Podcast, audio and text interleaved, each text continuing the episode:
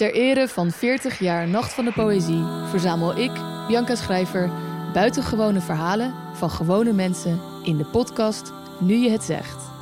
Verhalen over veranderende vriendschappen, kleine heldendaden en ook over wachten op de dood. Ik bedoel, ik heb zeven jaar geleden dacht ik van ja, mijn pensioen ga ik niet halen. Omlijst met de mooiste optredens op de Nacht van de Poëzie hoor je elke aflevering één verhaal.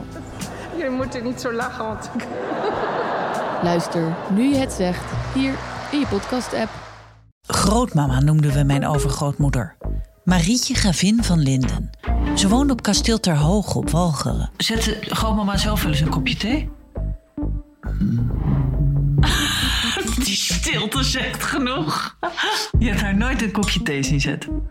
Nee, dat deed Mina, denk ik. Mina Marinissen was haar dienstbode uit Koudekerken. Ze bleef altijd ongetrouwd en werkte hard voor haar mevrouw. Je kon bepaalde dingen wel eens merken dat ik dacht...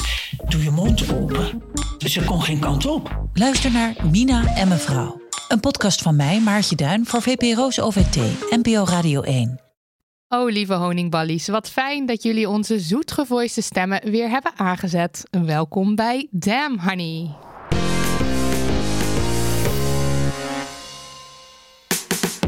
De podcast over shit waar je als vrouw van deze tijd mee moet dealen. Mijn naam is Marilotte. En ik ben Nidia. Welkom bij aflevering 37. Een bijzondere aflevering die gesponsord wordt door de Ribius Pelletier Penning. Een hele mond vol, maar vrees niet. We leggen zo meteen tot in detail uit wat deze penning inhoudt. Klein tipje van de sluier. Eh, de penning wordt jaarlijks uitgereikt aan een vrouw die zich inzet voor vrouwen in de Noord-Hollandse politiek. En op die manier maakt de penning rolmodellen zichtbaar. En dat is nog steeds broodnodig. We gaan het over vrouwen in de politiek hebben met twee van de juryleden van de penning. Ze hebben beide een indrukwekkend cv. De eerste gast die ik aan jullie voor mag stellen is directeur en eigenaar van het bedrijf Doetsreizen. In 2017 werd zij benoemd tot zakenvrouw van het jaar. Naar aanleiding van die titel zetten ze de Young Lady Business Academy op. Hiermee creëert ze een week lang een stimulerende omgeving voor jonge meiden en vrouwen om hun talent te ontdekken en om vervolgens uit te kunnen blinken in het bedrijfsleven of in de politiek. Het is Elske Doets. Welkom. Dankjewel, goedemiddag. En dan gast nummer twee. Ze is hoofddocent politicologie aan de Universiteit van Amsterdam met als expertise politieke vertegenwoordiging en diversiteit.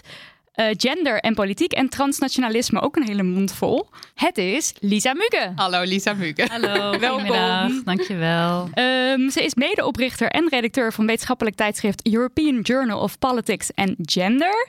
En eind vorig jaar, eh, december 2019, verscheen het rapport Op weg naar een betere man-vrouw balans in politiek en bestuur. Dat ze samen met collega's schreef voor het ministerie van Binnenlandse Zaken. Razend interessant. Ik ben er doorheen gegaan en ik dacht al van wow, al deze feiten, zoveel goede informatie.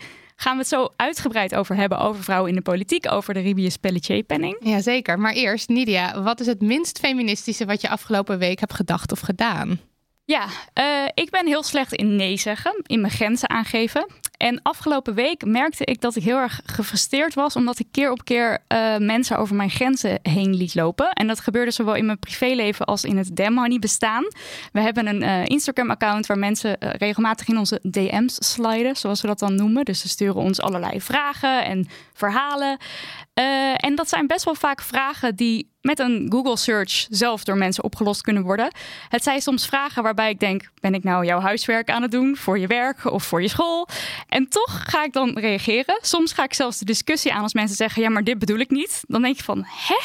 Wat, wat ben ik hier nou eigenlijk aan het doen? Ik ben volop aan het meedenken en allemaal eh, arbeid aan het leveren, terwijl ik daar eigenlijk helemaal niet de tijd voor heb, terwijl je het zelf heel makkelijk kan zoeken. En dan voel ik me dus schuldig om nee te zeggen. En dan wil ik liever ehm, leuk gevonden worden en lief blijven. En dan ga ik er toch in mee.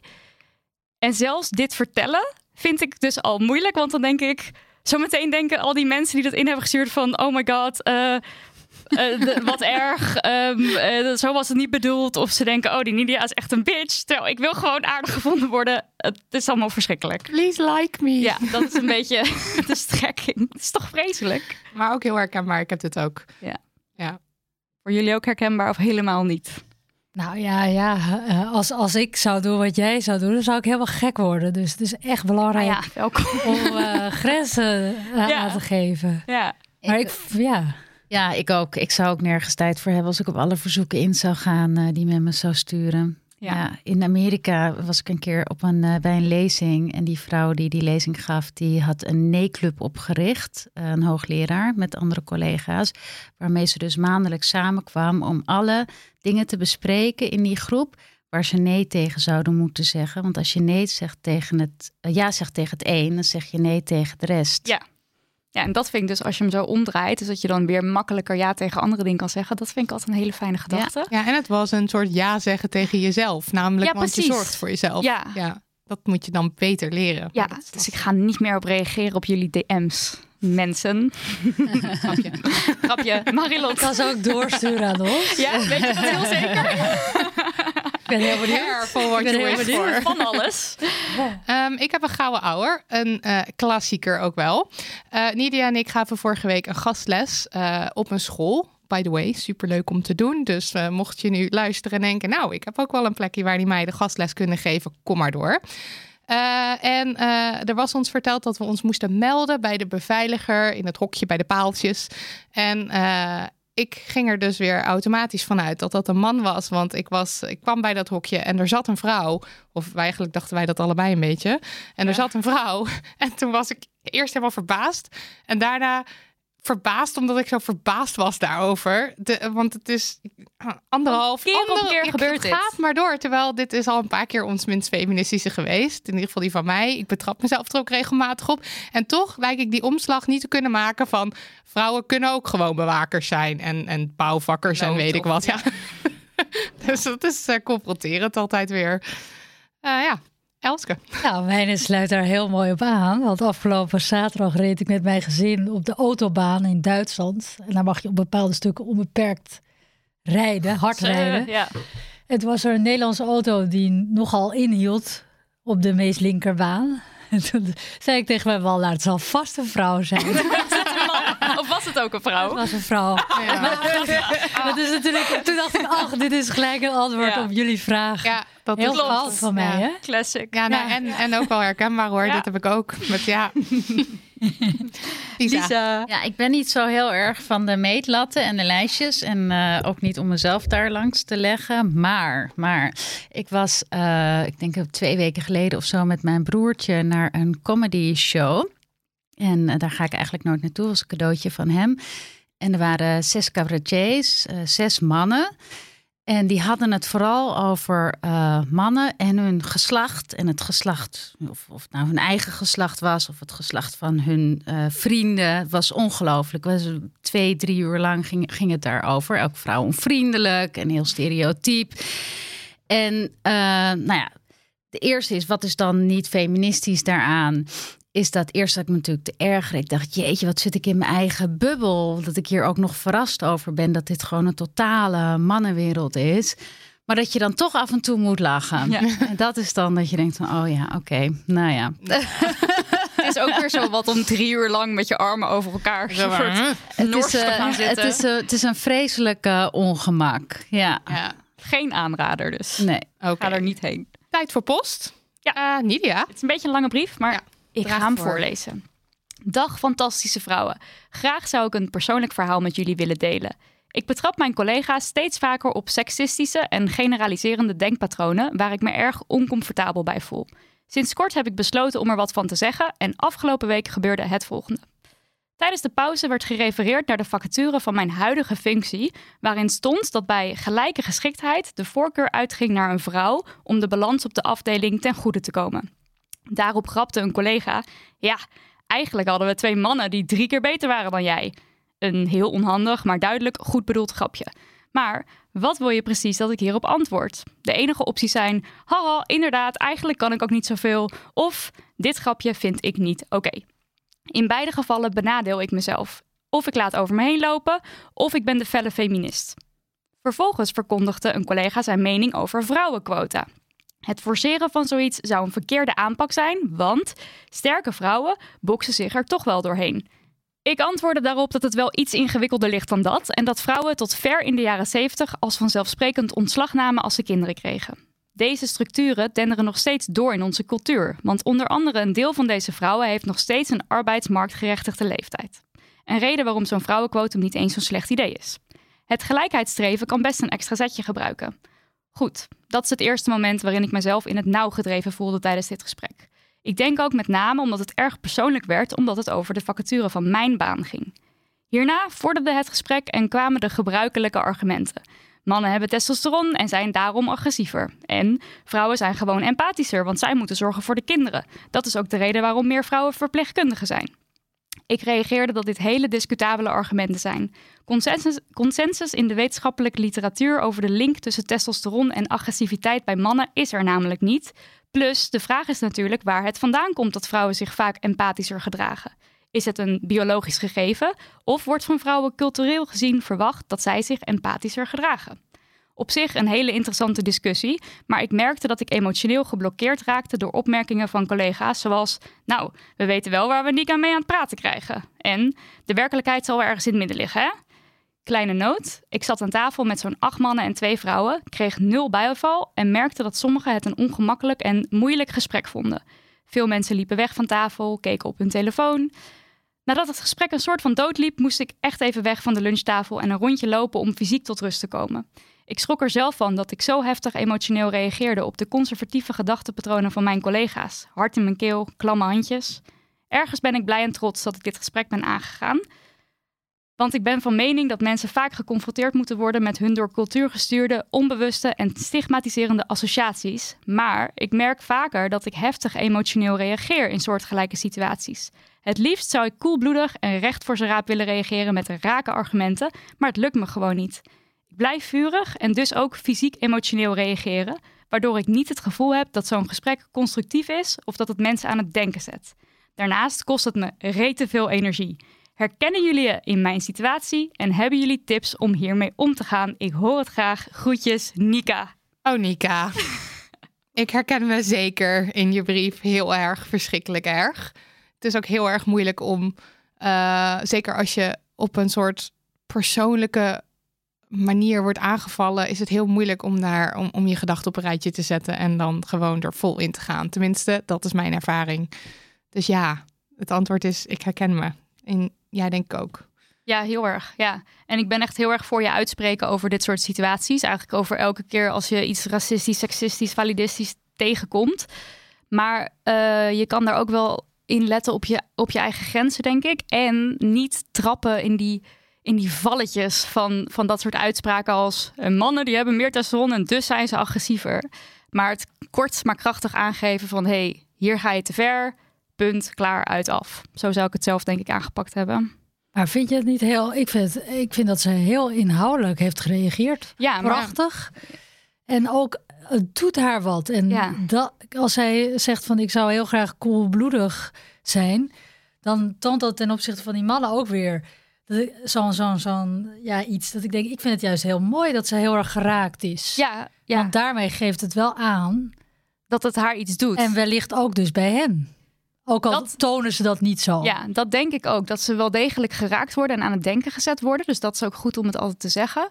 Maar ik herken wel het overstuur zijn en ook bijvoorbeeld dat het heel erg in je hoofd blijft malen. Dus dat je er zelf best wel ook last van hebt dat je in deze situatie terechtkomt.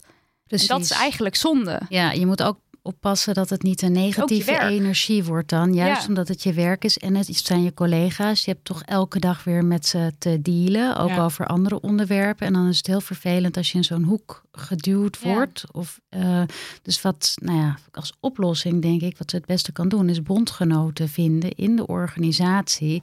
En ook bondgenoten die wat ver boven haar staan in de hmm. hiërarchie, die dat kunnen aankaarten. Dus je hoeft niet alles zelf op te lossen. Dus iemand aan wie ze het kan doorspelen en die het dan voor haar gaat oplossen, omdat diegene al een bepaalde positie heeft bereikt. Dat is één uh, strategie die ze kan toepassen. Het andere is uh, netwerken opbouwen, organiseren. Eh, organiseren en zo bewustwording kweken in de organisatie. En het aankaarten in een bedrijfsplan. Of nou ja, ik weet niet in wat voor veld zij werkt. Ja. Maar uh, dit is wel een, een dingetje in de maatschappij.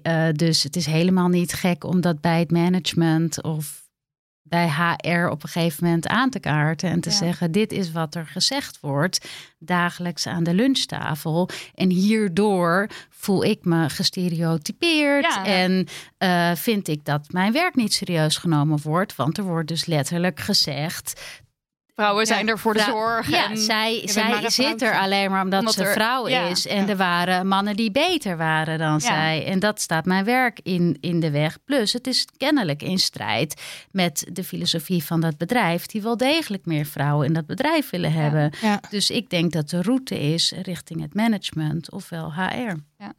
En misschien ook qua discussie, ook op het moment dat mensen dus eh, eigenlijk gewoon shit tegen je gaan zeggen, de dingen die helemaal niet waar zijn, dan heb ik ook wel vaak nu de neiging om het, om het af te kappen. Van hé, hey, maar het lijkt erop dat jij hier in je feiten, of dat je eigenlijk gewoon maar wat op je onderbuikgevoel aan het roepen bent. Misschien is dit Ja. niet de juiste plek voor de discussie. Misschien eerst meer erover lezen. Of, want dat zelf dragen, dat is gewoon best wel zwaar om dat te doen. Je kan het ook omkeren, want uiteindelijk voelen die heren zich bedreigd.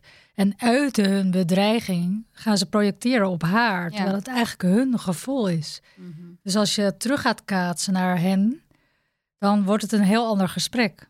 En hoe bedoel je dan terugkaatsen? Nou ja, eh, dus, dus, dus ze, ze roepen allerlei dingen en ik zou dan een vraag gaan terugkaatsen van ja, maar hoezo dan? En, en wat doet dat dan eigenlijk met jou, zeg maar? Dus ook op hun gevoel inspelen, zodat eigenlijk je dat, dat gevoelige bij jezelf weer weer terugspeelt. terug. Zeg dus dan zou je bijvoorbeeld kunnen vragen van... eh, eh, vind je, heb je er bepaalde gevoelens bij dat er in zo'n vacature staat? Heb je het gevoel dat, het, dat er ruimte in wordt genomen waar, waar, jij, waar jij eigenlijk op je plek was? Dit is, dit is eigenlijk een beetje de tactiek van eh Lise Korverzoek. is moeilijk voor je, hè? Dat, eh, dat er een paar dat er vrouwen Ja, aangenomen maar daar zit, worden. al, hè, hè, daar zit iets suggestiefs Ja, in. Dus zit je moet het eigenlijk open houden, Ja. maar wel op het gevoel proberen het naar voren te krijgen. Ja. Heel open dat ze zichzelf klem gaan Ja, dat is het beste. Ja, Ja, dat ja, is ja. zo- met zo'n opmerking als eh, eh, over testosteron. eh, je eerste reactie is om dat gelijk te gaan debunken. Maar dat hoeft natuurlijk helemaal niet, want zij vertellen een onwaarheid. Dus dat, dat zou je gewoon kunnen zeggen. Dat zegt ze misschien trouwens ook. Bijvoorbeeld laatst vroeg een hele succesvolle eh, zakenman aan mij. Die zei, ja, in welke levensfase zitten je kinderen eigenlijk? En dat vond ik een ongepaste vraag.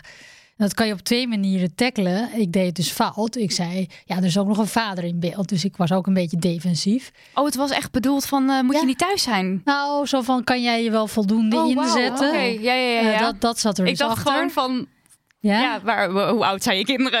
nee, maar nee, oké, er zat, wauw. er zat Ja, een ja, ja, ja. bedoeling achter. Hebben ze zorg nodig? En toen, en toen zei ik van nou, of je kan twee dingen dan doen. Je kan zeggen, nou, dit is geen agendapunt. Of je kan zeggen, ja, wil je een foto zien? Dus dan ga je het dus helemaal opengooien. En dan moet hij natuurlijk zeggen, oh leuk, en hoe oud zijn ze?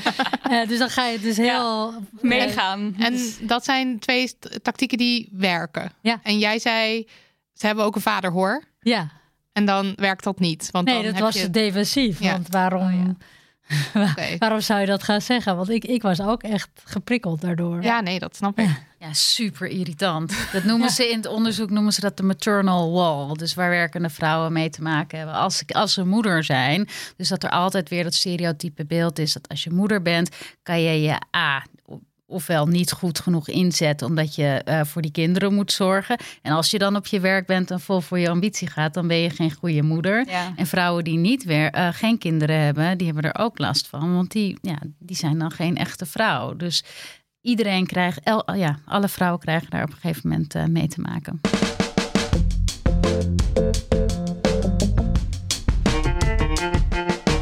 We moeten het even hebben over vrouwen in de politiek. Hoe staat het ervoor met de man-vrouw verdeling in de politiek? Wanneer krijgen we nou eindelijk een vrouwelijke minister-president? En wat is het belang van rolmodellen hierin? Vorig jaar hebben provinciale staten een onderscheiding ingesteld voor een vrouw die veel heeft betekend voor de positie van vrouwen in de politiek in Noord-Holland. De Ribius Pelletier Penning. Op 6 maart wordt bekend welke vrouw dit jaar de Ribius Pelletier Penning krijgt. En op die dag reikt Sibila Dekker, voorzitter van de jury, de penning uit. De penning is vernoemd naar sociaaldemocrate, feminist, bestuurder en politica Lisbeth Rivius Pelletier, de eerste vrouwelijke bestuurder van Noord-Holland. Zij werkte haar hele leven aan vrouwenrechten. Ze maakte onderdeel uit van het illegale Nederlandse Vrouwencomité. Een comité dat in de oorlogstijd tot stand was gekomen en diende als contactpunt van landelijke vrouwenorganisaties dat namens de Nederlandse vrouwen optrad. En ze liet op eigen kosten de Born bouwen in 1932. Een vakantie- en conferentieoord voor arbeidersvrouwen. Waar ze zelf ook veel cursussen voor leesclubleiders en sprekers gaf. Een initiatief dat ons overigens deed denken aan jouw uh, Young Lady Business Academy, Elske. Ja, mooie overlap. Provinciale Staten vernoemde de Rivius Pelletier-penning naar Lisbeth Rivius Pelletier en stelde de onderscheiding in 2019 in vanwege de viering van het 100 jaar vrouwenkiesrecht.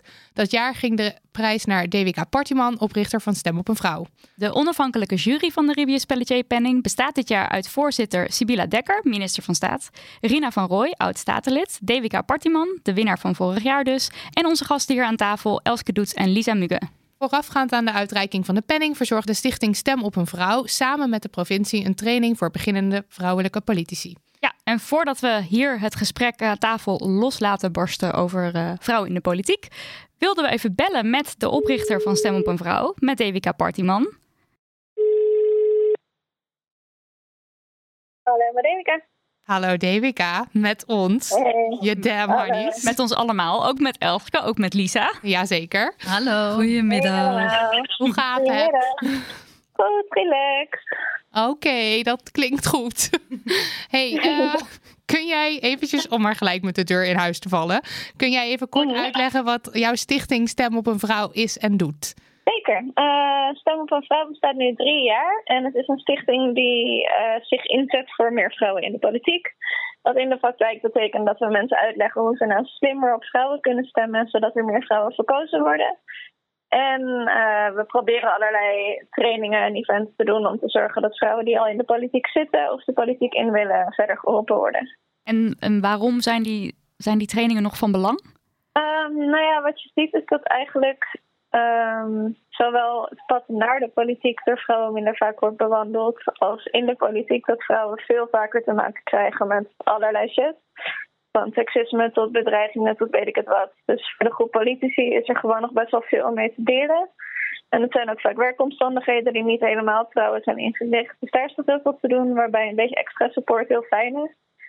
En voor de nieuwe generatie ja. is het gewoon, uh, ja, voor heel veel meisjes is het gewoon nog niet echt vanzelfsprekend om politiek te ambiëren. En ja, dat is om allerlei verschillende redenen, van gebrek aan rolmodellen tot uh, dat ze ook wel zien hoe er soms met vrouwelijke politici wordt omgegaan. Dus daar proberen we gewoon wat aan te doen om ze te trainen en te helpen om dat pad te vinden en hun partij te vinden en van alles en nog wat. Een terechte winnaar dus. En wat heeft de penning je gebracht? Um, ja, het, is, het, was wel grappig omdat het eigenlijk vooral voor andere mensen echt een onwijs big deal bleek te zijn of zo. ik zie mezelf best wel als een, als een gewoon, ja, ik doe gewoon mijn activistische ding en dat is heel leuk als het gezien wordt. Dus ik was heel blij en trots dat de provincie dat soort van waardeerde. Maar tegelijkertijd zie ik vooral dat andere mensen zo in keer zo... wow, Devika heeft een prijs gewonnen. En dan heeft ze wel echt iets goeds gedaan. Dus ja. vooral andere mensen gaan je er ook meer door waarderen. Het is erkenning. Ja, het is echt erkenning, ja. ja. Uh, dan de laatste vraag. Als je één nummer één tip zou uh, moeten geven voor mensen die denken van... ja, ik wil meer vrouwen in de politiek. Wat kan ik doen? Wat zou je dan zeggen? Ja, dan is het een beetje spreken voor eigen parochie. Maar we zijn nu een donatiecampagne aan het doen om donateurs te verzamelen. Want we hebben heel weinig geld. We doen het allemaal vrijwillig. En we willen gewoon heel veel vrouwen en meiden gaan trainen dit jaar. Want het zijn al bijna Tweede Kamerverkiezingen. Of bijna over een jaar. Gewoon super veel te doen en we hebben geld nodig. Dus uh, stem op eenvrouw.com slash doneer. Daar kan je natuurlijk ook alles lezen over wat we doen. Of informatie opvragen. Maar dat zou heel erg helpen. Gewoon geld geven. Geef geld. Dat is wel heel geven, concreet en heel makkelijk om te doen. Denk ik. Ja. ik zal de link in de show notes zetten. Je vindt ook allemaal bewijs dat wat we doen echt werkt. Dan. Dus dat scheelt ook. Nice. Oké, okay, nou, keep on the good work. Dankjewel, Devika. En dankjewel Thanks. voor het bellen. En al je werk. Doei. Doei. Doeg. Oké, okay, dat was Devika. Uh, ze, gaf al een aanzetje met um, waarom de trainingen nog nodig zijn. Um, wat, waarom hebben we die prijs nog nodig? Wat is het belang van zo'n penning? Nou, die prijs is nodig om uh, vrouwen in de politiek zichtbaar te maken. Om het, de ondervertegenwoordiging van vrouwen of de oververtegenwoordiging van mannen, zo kan je het ook stellen natuurlijk, net hoe je het ziet. Om dat op de agenda uh, te zetten en op de agenda te blijven zetten. We hadden vorig jaar natuurlijk echt een momentum met 100 jaar uh, vrouwenkiesrechtviering. En met zo'n penning, stel je die vijf jaar in, kan dat lekker doorlopen.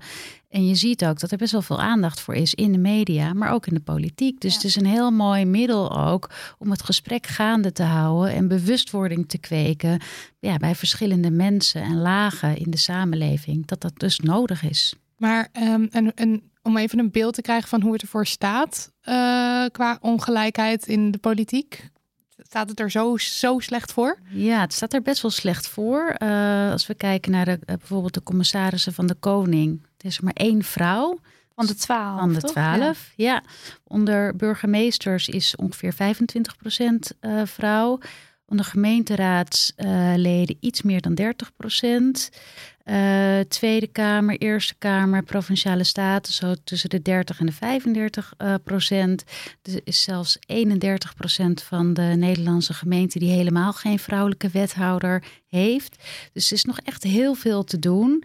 Bij de afgelopen Tweede Kamerverkiezingen deden er 28 uh, partijen mee en 25 partijen werden geleid door een man. Mm. Dus uh, ja, als je ook nadenkt van komt daar ooit die uh, vrouwelijke minister-president? Nou, dat ziet er op het moment niet heel erg rooskleurig uit, omdat er nog geen grote partij is met een vrouwelijke leider. Ja. En even om dan een brug te maken naar het bedrijfsleven, Elske, want dat is natuurlijk meer jouw vakgebied. Mhm. Hoe ziet het er daaruit? Nou, uh, ook nog best wel dramatisch als je bijvoorbeeld kijkt naar grote bedrijven. Uh, daar is maar 8% van de CEO's vrouw. Mm. Dus dat is nog dramatischer eigenlijk.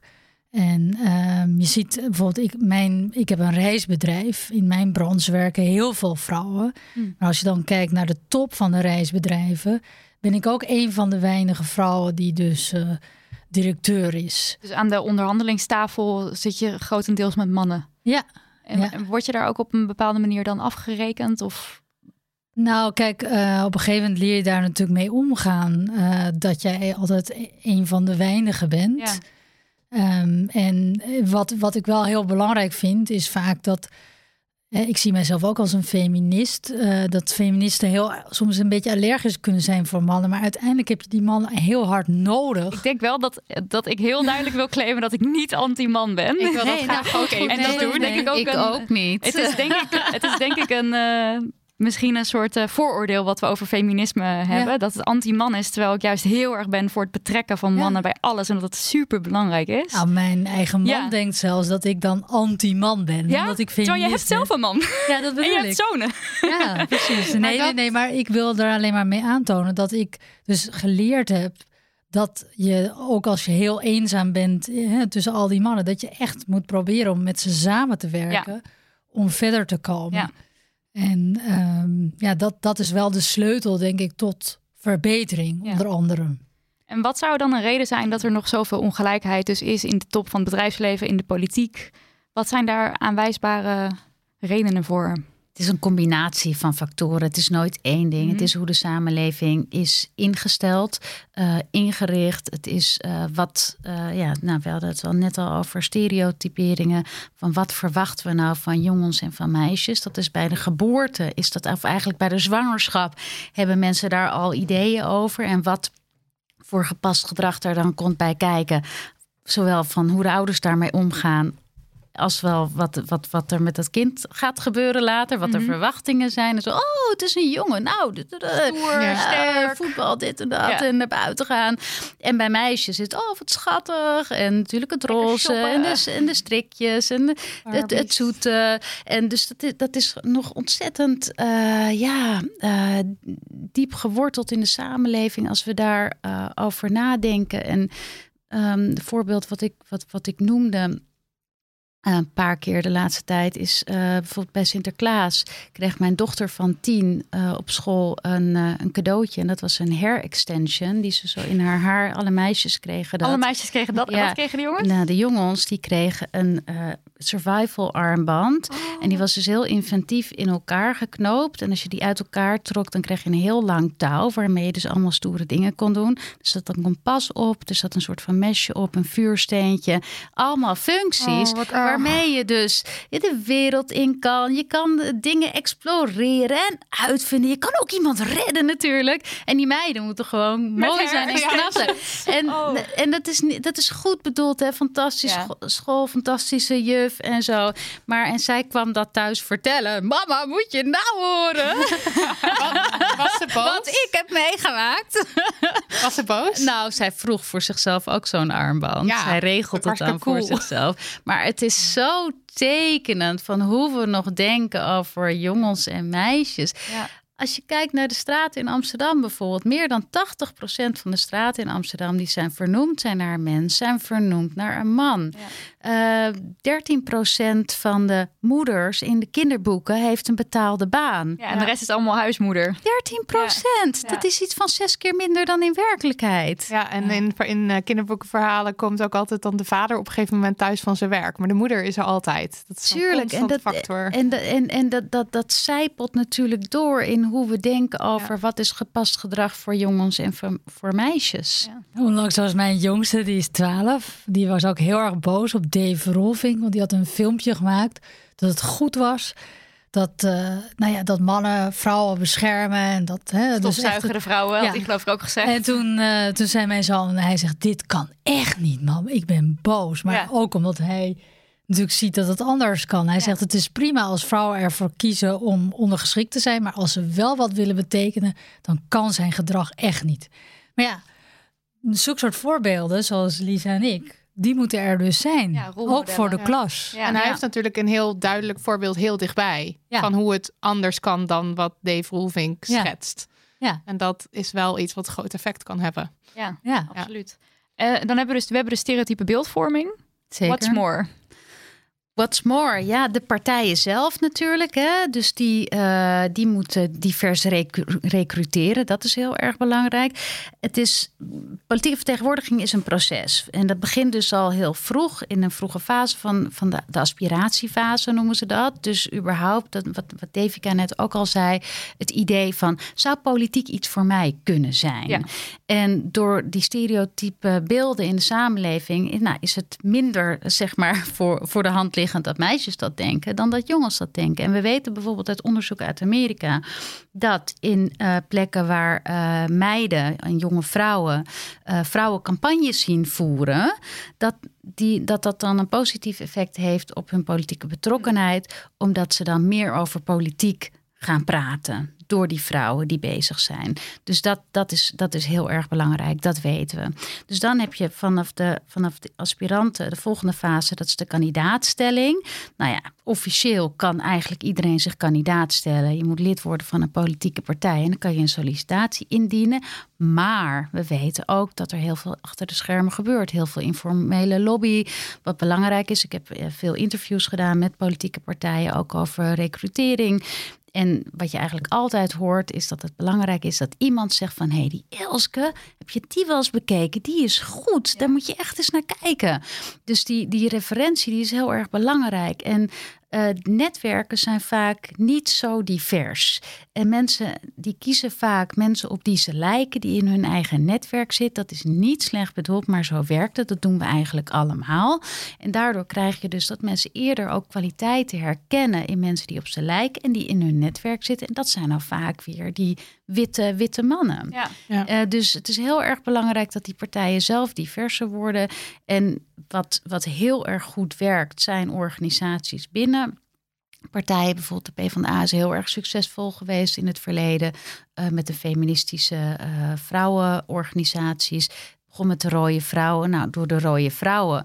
Die hebben uh, gelobbyd voor de streefcijfers binnen de PvdA. Dat begon met 25 procent, dat werd steeds opgevoerd. En nu hebben ze dus dat ritssysteem met een streefcijfer met om en om een man en een vrouw. Dat komt allemaal vanuit die, uh, vanuit die vrouw in de partij zelf, die ja. uiteindelijk een positie kregen in de partij, die aan tafel zitten, die onderdeel worden van het partijbestuur, die onderdeel worden van die kandidaatstellingscommissies. Dus dat is heel erg belangrijk. Er zijn ook andere partijen die vrouwennetwerken hebben. Maar het hangt er helemaal vanaf van wat voor positie hebben die netwerken binnen zo'n partij. En die kunnen heel veel doen.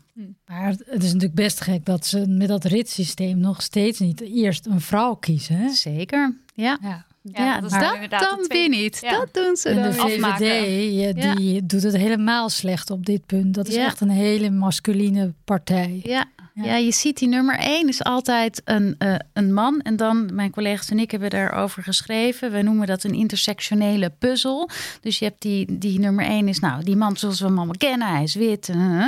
en dan eh, daaromheen wordt, eh, wordt gebouwd. Dus worden zeg maar de, de, de, de kenmerken waarmee, men, waarmee een partij kiezers kan trekken, die die man niet heeft, wordt ja, zo samengebouwd. Ja. Eh, Maar dan is dus die witte man is een soort van het, het, het partijplaatje of zo van en dit is hier de herkenbaarheid. De, alles Ja. wat jullie willen is die witte man. Dus Ja, dan kan je daarna ons zeggen, en dan maar we daarna ook, we oh, hebben ja. ook deze nog en die nog. Ja, lokkertje of zo. Ja, dan wordt, dan wordt er op bijvoorbeeld regionale binding nog wat bijgezocht. Op expertise, om een afspiegeling te krijgen binnen die eh, ja, verkiesbare Maar het zit er altijd zetels. onder.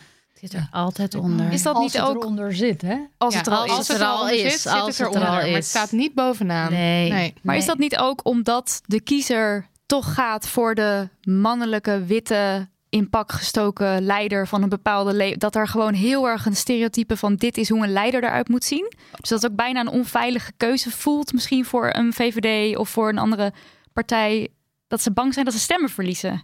Wat ik een vreselijke gedachte vind, uiteraard. Maar Ik zou- denk dat het heel erg zijn? verschillend is per partij. Maar het is wel zo dat de samenleving als geheel en dus ook eh, politieke partijen en, en, en politici heel eh, traditionele denkbeelden hebben over wat goed leiderschap is. En dat is dus eigenlijk dat jongetje met die survival armband. Ja.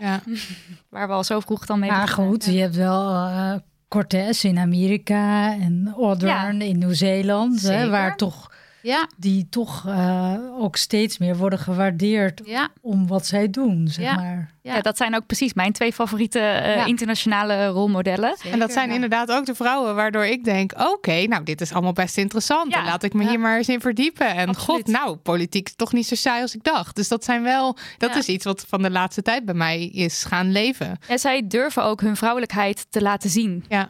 Dus eh Aldern die eh, zwanger was en Ja. eh, met een, een video maakt met een kind op de arm en of de baby meeneemt Ja. en dus niet wegzet als eh, Ja. dat mag er niet zijn. En- dat is echt bijzonder. Het is heel ook, bijzonder. Ook dat ook Ocasio. Cortez, hè, dat zij dus gewoon zijn vierste was in de Bronx. Ja. Want dat is het, hè? Hoe maak je nou die eerste stap? Dat willen wij eigenlijk ook met deze penning. En dat je gewoon klein moet beginnen. En dat dat dus gewoon in een gemeente is. Ja. En dat je daar dus makkelijk mee kan gaan praten als je daar bijvoorbeeld in de gemeenteraad eh, je verkiesbaar stelt. En zijn er in Nederland ook dit soort rolmodellen te noemen?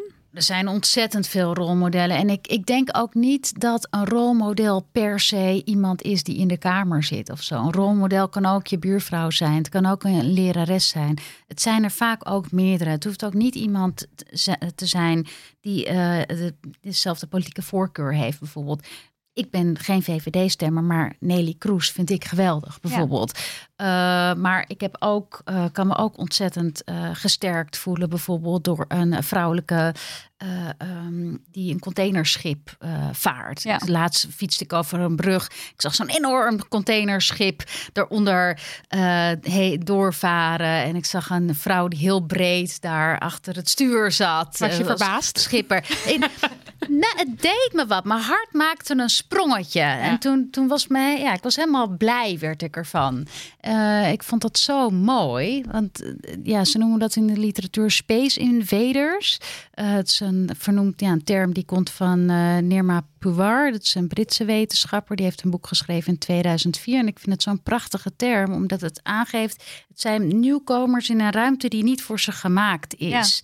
Ehm, en dan worden ze dus ook anders behandeld. Dus dan gaat het voor vrouwen, maar dan gaat het ook zeker over iedereen die niet wit is. Ja. Dus Ik las ook over deze termen in een interview wat je had met, ik denk, Parool over Sylvana Simons. Dat zij als voorbeeld Space Invader is omdat ze een zwarte vrouw is. Dus zwart Ja. en vrouw. Ja. En de eerste is eh, in de gemeenteraad hier in Amsterdam. Nou, ze eh, is niet de eerste in de gemeenteraad, maar ze is wel de eerste zwarte vrouw die een partij heeft opgericht. Hij heeft opgericht Ja, in de. ja. oké, sorry, dat is inderdaad heel compleet. En dat is dan dus een voorbeeld van een Space Invader hier in Nederland. Ja, ja, ja. En, en, nou, en ze is ook nog eens de eerste. Kijk, je, je, je, je hoeft niet in je eentje te zijn als Space Invader. Je bent gewoon, in de, als je in de minderheid bent in zo'n omgeving die historisch is gemaakt uh, voor ja, mensen die, die, die zeg maar anders zijn dan jij, dan ben je een Space Invader.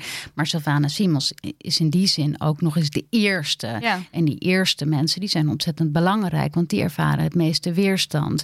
Dus uh, ja, mensen als uh, Hillary Clinton, maar ook Lisbeth uh, Ribius Pelletier, Sylvana Simons, dat zijn ontzettend belangrijke mensen ook om te eren, omdat die de weg vrijbreken. En ja, dan is, dan is de weg al een keer gelegd. Die, de tweede heeft het ook nog moeilijk, maar er, er is al een beginnetje gemaakt. En als we dan um, dit even uh, naar de Ribius Pelletier-penning trekken, aan wat voor kandidaten en dit soort mensen zouden we dan moeten denken uh, voor de penning?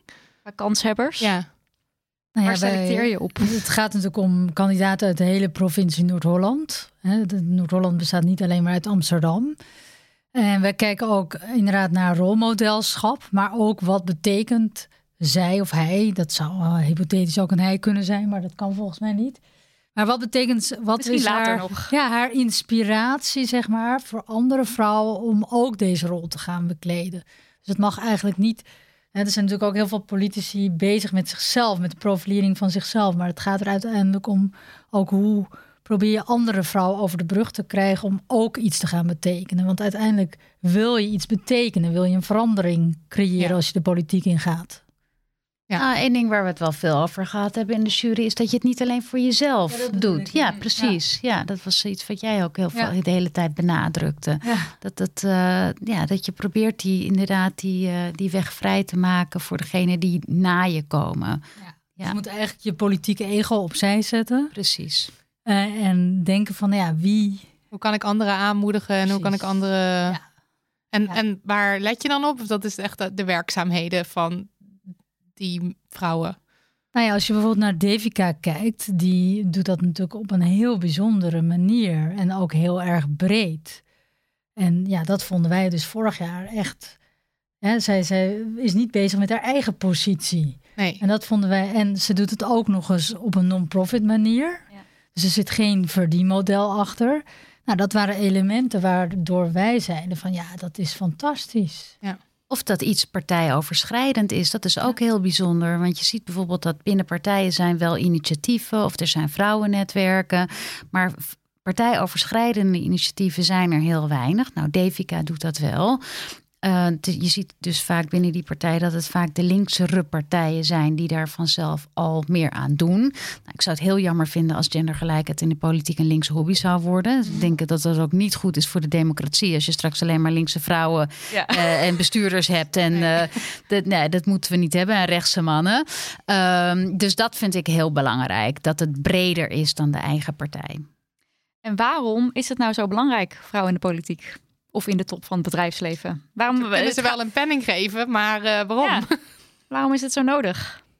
Nou ja, misschien zijn er bepaalde mannen die zeggen, hoezo dan inderdaad. Ja. Maar nee, eh, Het gaat om de kwaliteiten, krijg ik dan terug van vrienden waarmee ik deze discussie ja, maar voer. ik denk dat, dat, dat het echt belangrijk is. Hè? We, we zijn op aarde met 50% mannen en 50% vrouwen. Dat er een, een eh, equality is. En het, het beste is nog een equity, dacht ik. Hè? Dus dat het, dat het helemaal gelijk is, zeg maar. Dat het inclusief is. Ja, dat je alle gemarginaliseerde groepen meeneemt hierin. Ja. Ja. Nou ja, en we weten uit onderzoek dat de kwaliteit van de democratie omhoog gaat eh, als je diversiteit hebt. Dus niet alleen maar gender, maar ook etniciteit en ook andere kenmerken, dat dat belangrijk is. Dus dat is een, eh, eh, een belangrijke reden. We weten ook dat de acceptatie van verkiezingsuitslagen hoger is eh, als de politiek divers is samengesteld. Eh, draagt bij aan sociale cohesie. En het heeft ook een belangrijk inhoudelijk argument. En dat is namelijk dat onderwerpen worden ingebracht die anders over het hoofd worden gezien. En daarmee wil ik niet zeggen dat vrouwen vrouwen vertegenwoordigen, want dat is niet zo. Vrouwen zijn heel erg divers. Het is niet, je hebt niet, ik geloof niet zo in zoiets als vrouwenpolitiek, maar het is wel zo dat door een andere geleefde ervaring je komt met andere dingen en je ziet andere dingen. Ja. Dus, dus daar, daar wordt, het, wordt, wordt de politiek beter van. Dus dan heb je het bijvoorbeeld over onderwerpen zoals gezinsplanning, dus eh, anticonceptie preventiemiddelen of uh, abortus. Oh, je, je kan ook kijken naar bijvoorbeeld uitdagingen die nu op ons afkomen. Kijk bijvoorbeeld naar het klimaat of vergrijzing. Dat zijn toch moeilijke onderwerpen. En ik denk dat vrouwen, dat is mijn visie tenminste, veel meer uh, ja, anders denken. Veel meer naar lange termijn kijken en ook minder naar hun ego kijken. En die, die verschillende meningen en verschillende vragen kunnen juist heel erg goed tot nieuwe oplossingen uh, leiden. Die nu, nu draait, draait, vind ik, de politiek in Den Haag heel erg om van nou, we moeten maar blijven groeien om het allemaal maar het hoofd te kunnen blijven bieden. Dat ik denk, nou, hoezo groeien? Ik denk dat het hartstikke fout is. Mm. Maar dat mag je niet zeggen, want het zijn allemaal mannen en die willen allemaal groot, groot grootst. Tenminste, de partijen die aan de macht zijn. Ja, ja. ja. ja. ja en het is ook belangrijk om te kijken naar wat voor soort mannen zitten daar nu. Hè? En als je dan dat gaat, gaat analyseren, dan is het ook minder bedreigend voor heel veel mannen die ook niet, zich ook niet kunnen herkennen in de mannen die er nu zitten. Want het zijn nou eenmaal het zijn de witte mannen, het zijn vaak heteroseksuele mannen. Ze zijn ergens midden 50. En heel vaak hebben ze ook in Leiden gestudeerd. Dus het, oh, het is, nog. Ja, is ja, veel wel, veel wel. Dus het is echt maar een heel klein select groepje van mannen die dus de dienst uitmaakt op van die posities. Dus ja, daar moeten we verbreden. Vrouwenquotum. Jee, of nee? nee. Oscar. ja. Nou, ik ben tegen een quotum en dat is niet omdat ik niet wil dat er meer vrouwen uh, aan de macht komen of betere posities gaan bekleden. Uh, want anders had ik mijn initiatief, de Young Lady Business Academy, niet. Maar ik zie dat er een, een rem is op ambitie. En ik ben, dat heb ik ontdekt door middel van die academy, want ik kom op heel veel scholen. En ik ben echt geschrokken van hoe ingetogen eigenlijk talentvolle jonge meiden zijn met hun ambities. En dat komt heel erg door de omgeving die daar dus een rem op, op zet. Door de hair extensions. Bijvoorbeeld. Bijvoorbeeld, bijvoorbeeld. En uh, ik had het nooit verwacht. Ik ben daar dus echt achter gekomen door mijn reis van drie jaar nu, zeg maar. En dat quotum is natuurlijk iets heel symbolisch aan de bovenkant, zeg maar. Een hele marginale, het is een heel smal quotum. En ik ben gewoon heel bang dat het denken stopt. Want uiteindelijk ben ik een voorstander van emancipatie van onderop, zeg mhm. maar. Dus zoals Lisa zegt, hè, met die armbandjes en al die dingen. Dat, daar moet iets stoppen, zeg maar. Want daar wordt iets in werking gezet wat al ja, stigmatiserend is, wat mij betreft. Dus, dus ik, ik vind het dus cosmetisch, dat hem. Maar het een hoeft het ander toch niet uit te sluiten? Nee, dat hoor ik heel vaak inderdaad. Maar uh, ik ben dan meer van, uh, ik kies. En ik kies echt voor uh, ja, het leren van vaardigheden en zelfvertrouwen. Dat is mijn doel. Waardoor je dus van onderop een beweging krijgt. En ja, dat kost meer tijd dan een wet van bovenop afgelegd opgelegd. En dat is dan ook misschien omdat mannen dan dingen gaan zeggen zoals de briefschrijver dus kreeg van uh, je bent alleen maar gekozen omdat je een vrouw bent. Is dat, is dat ook, of is het echt puur van ik wil me alleen met de onderkant bezighouden van. Nou ja, ik, ik ben gewoon heel bang en dat zie je nu ook. Hè? Want 3 december hebben ze dan in de Tweede Kamer uh, daarover gestemd. En nu is het in doods... de top van het bedrijfsleven dan? Ja, voor de, doods voor de beursgenoteerde bedrijven in de raden van commissarissen. Daar gaat het om. Dus het is echt heel marginaal. Uh, maar nu is het ook doodstil. En ja, ik heb ook begrepen, de VVD, eh, een partij waar ook mijn hart nauw ligt. Ook al ben ik kritisch op een heleboel punten en ook op hun masculine aanpak ben ik ook heel kritisch. Dat die gewoon tegen dat quotum is en dat ze daardoor nu zich inhouden. En het gaat natuurlijk om. Ik heb ook tegen Rutte ben ik in uh, november nog bij hem geweest met twee dames van mijn academy die minister-president willen worden. Ik zeg, het gaat erom dat het van onderop gebeurt. En je, wij, zij hebben ook aan hem uitgelegd wat voor tegenstand zij hebben met hun ambities. Maar hij zag het probleem niet zo, toch? Hij, hij stelde toch een vraag van, is dat nog zo... Uh, nou, hij, nog een onderwerp? Hij heeft inderdaad, inderdaad ook tegen mij gezegd van, nou, dat komt toch allemaal wel goed. Ja. Uh, en toen ben ik dus een paar keer met die dames bij hem op bezoek gegaan om te laten zien van, hé, hey, dit is hè, gewoon hun verhaal laten vertellen waar ze tegenaan lopen. Ja, dat is wel een, een eye-opener. Maar kijk, als je dus als hij dat verhaal niet meekrijgt en hij wil ook niet aan het vrouwenquotum, dan gebeurt er dus heel weinig. Dan uiteindelijk. Ja, Want zo'n meisje zou een quotum, quotum nou een, een heilig uh, middel Nou, ik wil het absoluut niet een heilig, num- nee. uh, heilig middel noemen hoor. Want ik denk ook dat het echt een, een uiterst noodmiddel um, ja. zou zijn. En maar we zijn zou niet al jaren veel mooier bezig. zijn als je, als je gewoon dat quotum heel breed gaat stellen. En gaat zeggen voor de klas moet 50% mannen, ja, dat zou, 50% vrouwen. Maar zou je daar dan wel voor zijn? Daar zou ik voor zijn. Dus als ik het vind overal dit veel te wordt ingevoegd. Ja. Oh, maar je bent dan dus niet tegen het vrouwenquotum, maar je bent tegen hoe het nu ja, neergezet wordt. Het is heel marginaal. Ja. Oké. Okay. Lisa. Ja. nou ja, ik baseer me vooral op onderzoek hè, en niet op mijn persoonlijke mening. Kijk, een quotum kan je inzetten als tijdelijk correctiemiddel. Maar wat belangrijk is, weten we dus uit, uit verschillende studies, is dat je het juist moet implementeren, omdat je anders een backlash krijgt. Een beetje langs de lijnen die jij ook beschrijft. Dus als je procedures niet op orde zijn in de selectie, of het nou in het bedrijfsleven is of in de politiek, dan kan je wel een quotum instellen, maar dan lost het niks op. Als je kijkt naar de politiek uh, en je voert een quotum in zonder daar bijvoorbeeld een ritsmodel aan vast te plakken, dan komen al die vrouwen natuurlijk op een onverkiesbare plek. Dus dan ja, heb dus je een wel. ritsmodel betekent dus man, vrouw, man, vrouw. Precies. Ja, dus dat is bijvoorbeeld, uh, als je, als, dan, dan heeft het geen effect. En als je niet je, uh, zorgt dat de selectieprocedures transparant zijn, dan heeft het ook geen effect. Uh, zijn er bijvoorbeeld sancties aan verbonden of niet? We weten uit voorbeelden uit het buitenland, uh, in Frankrijk was er een quotum. En uh, dan moesten partijen die daar niet aan voldeden een boete betalen. Nou, die mensen betaalden nog liever betalen. een boete ja. dan dat ze, dat ze die vers gingen recruteren. Ja. Dus je moet heel zorgvuldig nadenken over hoe je het implementeert. En dan kan het wel degelijk nut hebben. En het, we weten dus uit, uit, uit onderzoek dat het dat het nooit op zichzelf kan staan. Dus je moet het altijd combineren met een set van bredere maatregelen. Mm. Dus als je, dus je moet natuurlijk ook zorgen dat die pijplijn op orde is. Inderdaad, wat doen aan die aspiratiefase, aan de kandidaatselectiefase, de recrutering. En dan gecombineerd met een quotum, met sancties en een ritsmodel. Dus dan, het, ja. dan ja. heeft het effect. Ja. En als het zorgvuldig geïmplementeerd is en goed gecommuniceerd wordt, dan ben ik op basis van wat het onderzoek zegt, uh, ben ik uh, voor quotum. Ja. En ook voor de politiek zou je dan nu zeggen van als het op deze manier gedaan wordt, dan wil ik het ook? Of vind je dat wel nu een stap ja, te ver? zeker. Nou ja, liever zou ik natuurlijk willen dat het niet nodig Ja, zou zijn, ja. maar het is wel nodig. En we weten ook dat die hele discussie uh, die we de afgelo het afgelopen jaar hebben gevoerd over, over, over quota een enorme vlucht heeft genomen. Mhm. Dat is ontzettend goed. Of, of, of je er nou komt of niet een quota. Want dat maakt mensen bewust. Ja. Dus op, op wat voor feestje je ook zit, of op welke gelegenheid ook, als het gaat over een quotum, zit iedereen meteen op het puntje van zijn stoel.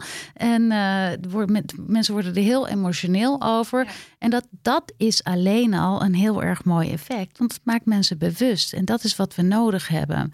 Dus ja, dan, dan, dan blijft de discussie in de samenleving op gang.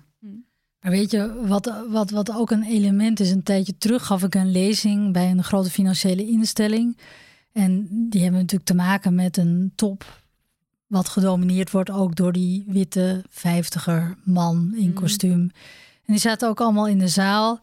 En uh, toen moest ik dus gaan praten over diversiteit en inclusiviteit. En ik wist uit gesprekken die ik had gevoerd met vrouwen die daar topposities bekleed hebben of hadden, hè, die ook in die pijpleiding zaten, dat het een hele onveilige plek was. En dat ze eigenlijk allemaal afhaakten. Dus ik dacht, jeetje, hoe ga ik dat nou in godsnaam een leuk verhaal overhouden, zeg maar. Want ik wist eigenlijk dat het niet klopte, zeg maar.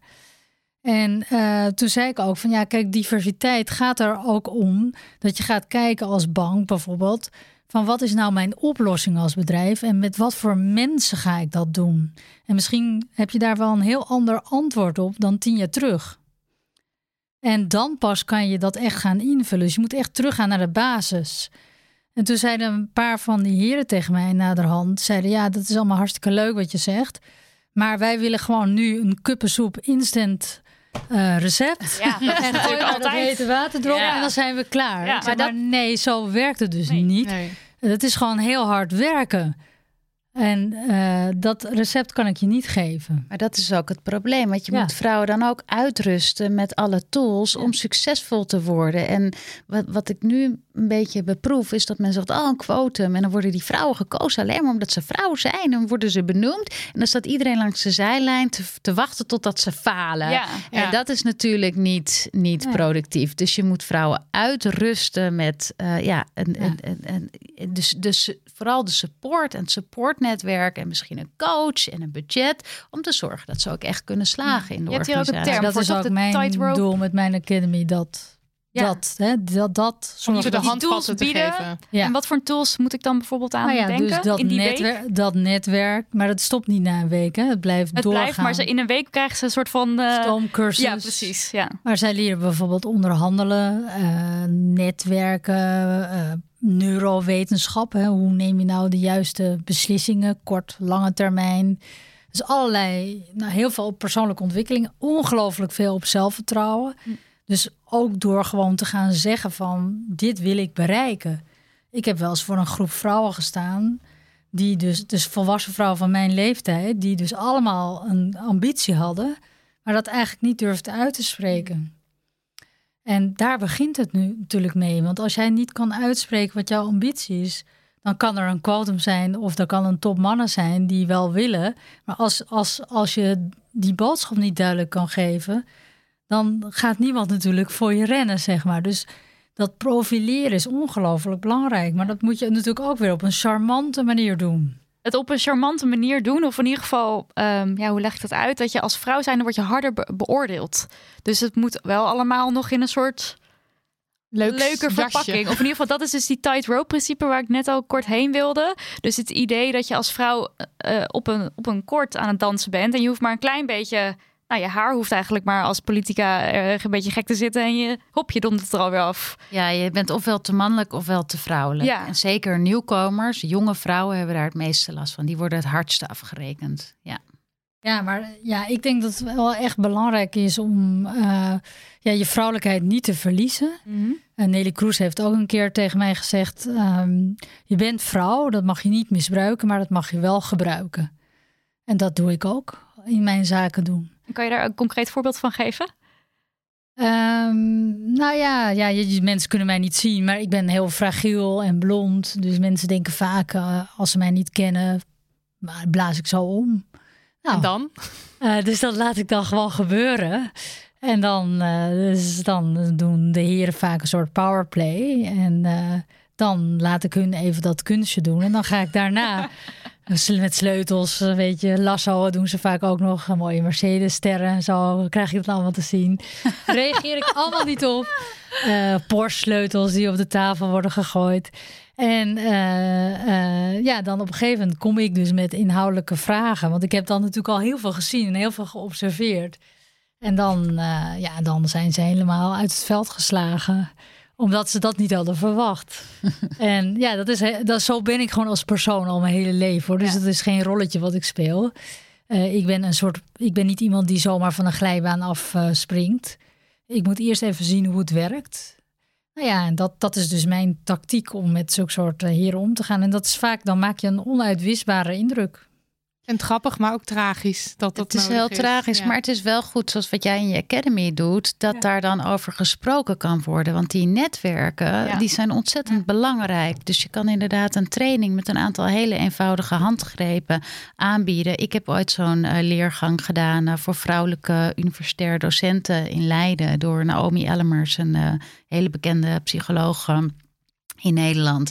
Die gaf die training. Nou, dat ging inderdaad over prioriteiten stellen, eh, een financiële routekaart van de instelling, je informatiestromen op orde hebben. Dat is heel erg belangrijk dat je precies weet hoe de hazen lopen. Eh, onderhandelen zat erin. Nou, en dus inderdaad netwerken. En er zijn zoveel kwartjes gevallen destijds voor mij. Allemaal dingen die ik hoorde van, nou, ik wist niet dat de wetenschap zo werkte. Gewoon even iemand die uitlegt van, nou. Zo werkt het Mm, dus. En dit, dit zijn verschillende strategieën die je kan toepassen. En dan kan je zo uh, dit en dat uh, doel uh, bereiken. Maar ik zat ook een tijdje in Amerika aan, aan Harvard bij het Women in Public Policy Program. En daar hadden ze een programma from, um, dat heette Oval Office. From Harvard Square to the Oval Office. En dat was een politiek campaigningsprogramma van één jaar. En ze hadden mij gevraagd om aanvragen te beoordelen. En ik bekeek dat en ik vond dat zo ontzettend interessant. Ik zei, mag ik er gewoon bij zitten, observeren? Dus ik heb daar een jaar lang bij uh, gezeten. En hoe die ja, jonge vrouwen ja, trainingen kregen van de, van de top uit de Amerikaanse politiek. Ook inderdaad onderhandelen, netwerken. Dus dat zijn allemaal van die dingen die en in de wetenschap en in het bedrijfsleven en in de politiek. Het zijn heel vergelijkbare uh, strategieën en tools die je nodig hebt, omdat de weerstand vergelijkbaar is. Maar is daar nu nog niet genoeg van, van dit soort, van dit soort initiatieven? Nee, want heel veel, wat je dus merkt ook op. Uh, wat, wat ik terugkrijg ook van die dames die bij mij die Academy uh, volgen. Dat zijn dingen die krijg je niet op de universiteit of op, op school, zeg maar. Dat zijn ook hele simpele dingen, zoals een hand geven. Ja, dat, oh ja. dat, dat Ja. klinkt zo Ja. simpel, maar dat die eerste indruk is ongelooflijk belangrijk. Of zoals die vrouwen van mijn leeftijd, die dus allemaal ambities hadden, die zeiden dan, want ik zeg, oké, ga dan voor die zaal van 200 mensen vertellen wat je wilt. En dan zei ze, ja, geld is niet belangrijk. Nee, dat, Mm, ja, ja, dat ja. kan je vinden, maar dan, dan cijfer je jezelf al volledig weg. Dus ik zei, denk je nu dat die heren begrijpen wat je wil? Dus ze moesten van mij dus eh, drie keer overdoen voordat ze dus nou ja, echt duidelijk hadden gemaakt dat ik ook begreep wat ze wilden.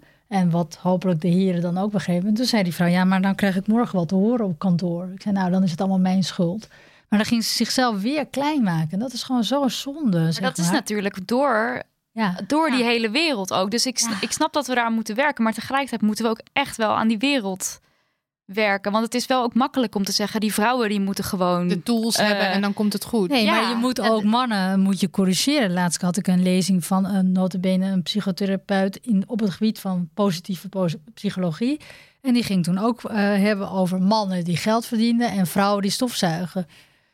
En ik heb het allemaal aangehoord. En toen na die lezing ben ik naar hem toe gegaan. Ik zeg, ik weet, we hebben allemaal een soort unconscious bias. Ik zeg, die heb ik, die heb jij. Maar ik zeg, kan je de, de voorbeelden alsjeblieft een beetje Iets omdraaien? Ja, ja, ja. Eh, eh, en hij was zich totaal niet van bewust. Hij zei, dank je wel dat je dit zegt. Ja, ik zei, ik ben een beetje gevoelig voor. Net als Lisa in die zaal zat. Maar ja, dat helpt wel. Als je dan toch even met een knipoog zegt van... Ja, nou ja, jij zei net wel iets, iets belangrijks van, van die, die- dat soort trainingsprogramma's en zo. Dat is natuurlijk wat, wat ze zeggen, fix the women. Hè? Dus de, Ja. de vrouwen moet je fixen zodat ze zich kunnen redden in, in die wereld. Maar er is ook een fix the system approach. En die moeten natuurlijk naast elkaar gaan lopen. En op een gegeven moment, daar heb, je, daar heb je iedereen voor nodig. Daar heb je zeker ook mannen voor nodig. Eh, en die zijn er ook. Maar die moeten we wel, ja, die moeten wel bewust worden. En vaak, ehm, ja, denk, men kan nogal defensief reageren. Omdat je iets aan, als je iets aankaart in een organisatie, dan kan het lijken alsof je zegt van jij hebt het niet goed gedaan als leidinggevende. Ehm, dus daar is nog wel echt een wereld te winnen om te zorgen. En daar is ook heel veel literatuur over. En daar zijn tools voor om te zorgen dat, ja, dat, dat, dat men dan inziet van die organisatie zelf wordt beter als je dus ja, inclusiever wordt. Want dan gaat natuurlijk ook de competitie omhoog. Dan kunnen vrouwen ook meedoen. Dus je krijgt gewoon. En, en het product wordt beter. Dus er is, ze de bedrijven hebben ook heel veel te, te winnen. En ook eh, wetenschappelijke instellingen. En, en, en de politiek. Dus dat kwartje moet vallen. En ik denk ook dat wij als. eh, ja, als je wat verder komt, dat je de verantwoordelijkheid hebt om te proberen om dat systeem eh, bij te stellen waar je kan. Dus waar ik kan, eh, kaart ik diversiteit aan. In commissies waar ik zit, ehm, eh, in conferenties die ik organiseer, probeer ik zo, zo divers mogelijk de panels eh, samen te stellen, aan te kaarten. Dat ik geen panels wil, dus panels met alleen maar mannen. Dus ehm, ja, dat, dat is onze verantwoordelijkheid. En we moeten allemaal een steentje bijdragen. Maar je moet ook echt accepteren dat als je diversiteit omarmt, echt, dat, dat je wrijving krijgt. En pas na wrijving kan je glans krijgen. Want je moet die ander, anderdenkende moet je toelaten, zeg maar. Mhm. En dat kan in het begin ongemakkelijk zijn. Ja, want maar het is juist zo makkelijk natuurlijk als je al die Ja, jaren met ja, je met 50 die plus witte mannen hebt gezeten. Is het heel weird als er dan opeens. eh, Ja, maar dat moet je anders. toelaten. Ja. En eh, pas als je dat toelaat, dan ga je nadenken. En, als je dan, en dan pas gaat, komt die glans. Ja. Maar dan moet je wel even die weerstand. Je moet er ook voor overheen. openstaan. Ja, dus zo'n cup. Ja, dat, dat, dat is het. En dan dus niet zo emotioneel reageren misschien op die weerstand. Of Nee, nee je, mag het, je moet het juist omarmen. Want het, uiteindelijk gaat het iets moois verder. Ja. Ja. Nog even over die vrouwelijke minister-president, want die hebben we nog niet gehad. Ja. Is dat erg? vroeg een luisteraar. Is dat erg? Nou, ik vind het wel heel erg, ja. Want we, we, staan wel onderaan eh, eh, de rij in de internationale lijstjes. En als je een vrouwelijke minister-president hebt gehad of eh, in functie hebt, dan la- laat dat zien aan jonge vrouwen dat het wel degelijk kan. Ja. Ik vind het heel belangrijk. Maar Maakt ook burgemeesters hoor. Burgemeesters vind ik ook heel erg belangrijk. ja. En dan hadden we ook een andere luisteraar. En die vroeg: ehm, Hoe word ik de eerste vrouwelijke minister-president van Nederland? Ik zit al bij een partij. Hebben jullie gouden tips? Eh, nou, ik zou zeker. eh, kijk, zoals bijvoorbeeld die dames bij mij op de koffie zijn geweest. eh, bij Rutte. Dat is altijd nuttig, zulke soort dingen. Ja. Of contacten met. de politiek staat in mijn optiek wel heel erg open voor de buitenwereld. Ehm, dus eh, ja, in contact komen met kopstukken. Bijvoorbeeld minister Kaag, die komt nu bij mijn volgende Academy. Mona Keizer komt bij mijn volgende Academy. Dat zijn momenten waarop dus inderdaad dames die dat willen worden... ook echt in contact kunnen komen met die ja, kopstukken. En dat zijn natuurlijk belangrijke rolmodellen. Maar even afgezien van kopstukken, we hebben ook wel eens eh, brieven gekregen van eh, luisteraars die dan in de politiek zitten en die dan zeggen van nou ik zit in de gemeenteraad zus of zo en het is echt veel makkelijker om contact met ons te hebben dan je denkt, want je kunt ons gewoon bellen en een kopje koffie met ons drinken. Ja. En ik denk dat daar zo'n netwerk misschien ook wel ontstaat. Ja, zeker. Nou ja, kijk, in netwerken heb je, je moet omhoog netwerken. Dus mensen die wat Verticaal. verder zijn, verticaal inderdaad, die, die verder zijn. En vaak vinden mensen het veel leuker. De, voelt die drempel heel hoog, maar kan je ze gewoon, eh, ja, Staan ze er open staan voor? ze er vaak ook, ook open voor. Als ze geen nee kunnen zeggen, zoals ik. Eh, nee, maar ook omdat zij Nee, daar politici Zij daar- zijn er veel meer open voor dan in zij bedrijfsleven. zijn daar ook geweest. Ja. en dan Ja. kan bijvoorbeeld zo'n training of je horizontale netwerk... kan je helpen van hoe stel je nou zo'n e-mail op? Ja. Dat moet geen lange epistel zijn. Dat moet heel kort zijn. Kort, dat moet je op je telefoon kunnen lezen met een duidelijke vraag. Nou, en dan kan iemand ja of nee zeggen. En neem het niet persoonlijk als iemand nee zegt. Dat is heel belangrijk. En dan heb je nog een ver- verantwoordelijkheid om naar beneden te netwerken. Om het dus weer voor diegenen die na jou komen weer een stapje makkelijker te maken. Dus dat is heel belangrijk, die netwerken en die rolmodellen. Je hebt die netwerken ook nodig natuurlijk voor je, voor je stemmen en je, en je draagvlak. En zorg dat je, dat je goed bent op de inhoud. Dus dat je het politieke handwerk serieus neemt. Dat je altijd voorbereid bent. En eh, nou, dat je vooral ook heel veel plezier hebt Ja. in je werk. En dan, komt, ja, dan geloof ik dat het wel goed komt. Welke dingen kunnen we zelf doen in het dagelijks leven om ongelijkheid tegen te gaan? Ja, dus ik hoef niet de politiek in per se. Nee, Nog maar niet, ik wil wel niet. helpen. Maar ik zou wel willen helpen. Ik maak op zich al een feministische podcast. Op zich zou maar je misschien, heel goed vind dat jullie heel veel doen, ja. maar misschien voor een luisteraar die niet een feministische podcast maakt. Of niet in een netwerk zit. Of... Nou, ik denk dat eh, zoals de luisteraar die de brieven of de briefschrijver, dat zij toch dat gesprek aangaat. Mhm. Ook al is dat heel ongemakkelijk voor haar gevoel. Ja, daar begint het. Ja. Ja. Eh, dat, ik denk dat het ongelooflijk belangrijk is. Ik zit ook wel eens in meetings met twaalf alfa mannetjes en één, eh, twee vrouwen. En dan helpt die andere vrouw mij ook niet als ik dus opkom voor de vrouwen. Ja. Dan denk ik ook, waarom doe je dat nou niet? Maar ja, ja, we moeten echt gewoon onze stem laten horen. Ja. Dat is een patroon, hè, ook uit de wetenschap. Dat eh, vrouwen die hebben er geen baat bij om jou dan te helpen. Dus ze trekken vaak de deur achter zich dicht. Mm. Dus ze hebben er strategisch meer aan om loyaal te zijn naar die mannen die aan tafel zitten dan naar jou. Ja. Dus, ehm, nou goed. Dit is ook weer zulk, dit is ook weer zo deprimerende informatie. Laten we dat we elkaar een beetje helpen. Nee, dat mag je niet Nee, je mag het niet moet stoppen, daar moet je doorheen. Ja. Maar ik denk ook dat het heel erg belangrijk is om, om, om leiderschap breder te trekken. Niet iedereen eh ambieert het om om minister-president uh, te worden. Dat hoeft ook helemaal niet. Maar je kan ook iets doen op school. Ik denk dat het belangrijk is voor, voor, voor die jonge meiden op school. Dat die zich uitspreken als ze iets vinden. Dat ze zich verkiesbaar stellen voor de leerlingenraad. Dat ze iets waar ze passioneel over zijn. Dat ze niet geblokkeerd worden of tegen worden gehouden om dat uit te dragen. En dat kan leiderschap zijn met een hele grote uh, hoofdletter L, maar het kan ook leiderschap zijn met een, met, met een, met, met een uh, klein, klein, klein lettertje, de L. Je moet ergens beginnen en daar ook een beetje mee experimenteren van in je eigen stem. Uh, ja, voelen. En nou ja, wat kan je doen? Je kan, je kan dus uh, meiden, je buurmeisjes, je nichtjes, je zusjes om je heen ondersteunen om te helpen dat ze hun eigen stem voelen. Of dat nou in de politiek is, of dat nou ergens anders is. Uh, maar ja, dat ze, dat ze een boodschap kunnen uitdragen. Dat ze vooral van zich laten horen. Dat is belangrijk. En dan als laatste vraag de toekomst. Toekomst voor het bedrijfsleven of voor de politiek. Wat is een ideaal? Hoe zou je het idealiter willen? Dus geen vrouwenquote, maar ik neem aan wel meer vrouwen. Nee, ja, uh, ik rust pas met mijn Academy als er gelijkheid is op meerdere fronten. Dus dat is mijn. En ik denk dat het heel belangrijk is ook vragen stellen om ambities of juist geen ambities, om dat naar boven te krijgen en niet te oordelen. Veel vragen stellen, openstaan. Ja. Ja, we moeten vooral het gesprek uh, op gang houden. Onderzoek doen natuurlijk. Ik ben wetenschapper. Ik vind onderzoek heel belangrijk. Meer geld ook voor onderzoek naar de lokale politiek. Want daar weten we eigenlijk nog heel weinig, uh, weinig over. En ja, mijn wens voor de toekomst is eigenlijk dat we loskomen van het binaire denken. Dus we hebben het de hele tijd ja, over ja. mannen en vrouwen.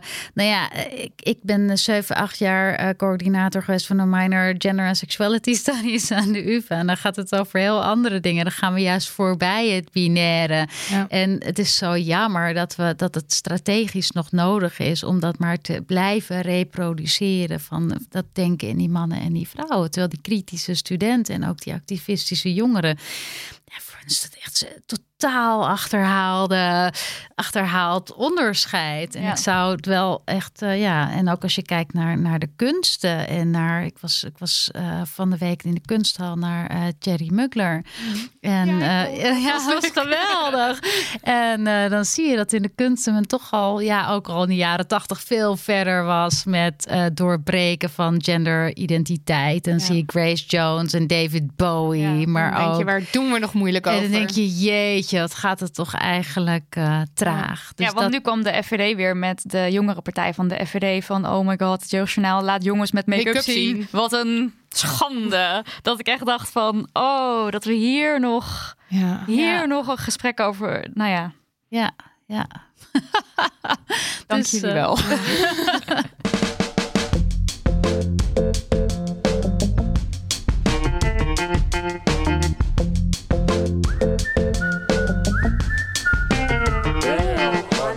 komen we bij de afsluiter van deze aflevering. Damn Honey, yes en no. Marilotte, aan jou de eer om de Damn Honey no met ons te delen. Iets waar je de afgelopen week boos van werd. Ja, uh, om een beetje in politieke sferen te blijven hangen. En om ook maar even te illustreren um, dat vrouwen werkelijk waar nog steeds worden afgerekend op hun uiterlijk, wil ik eventjes het hebben over een tweetje wat op 19 februari 2020 uitgestuurd werd door een Jan Kuitenbrouwer.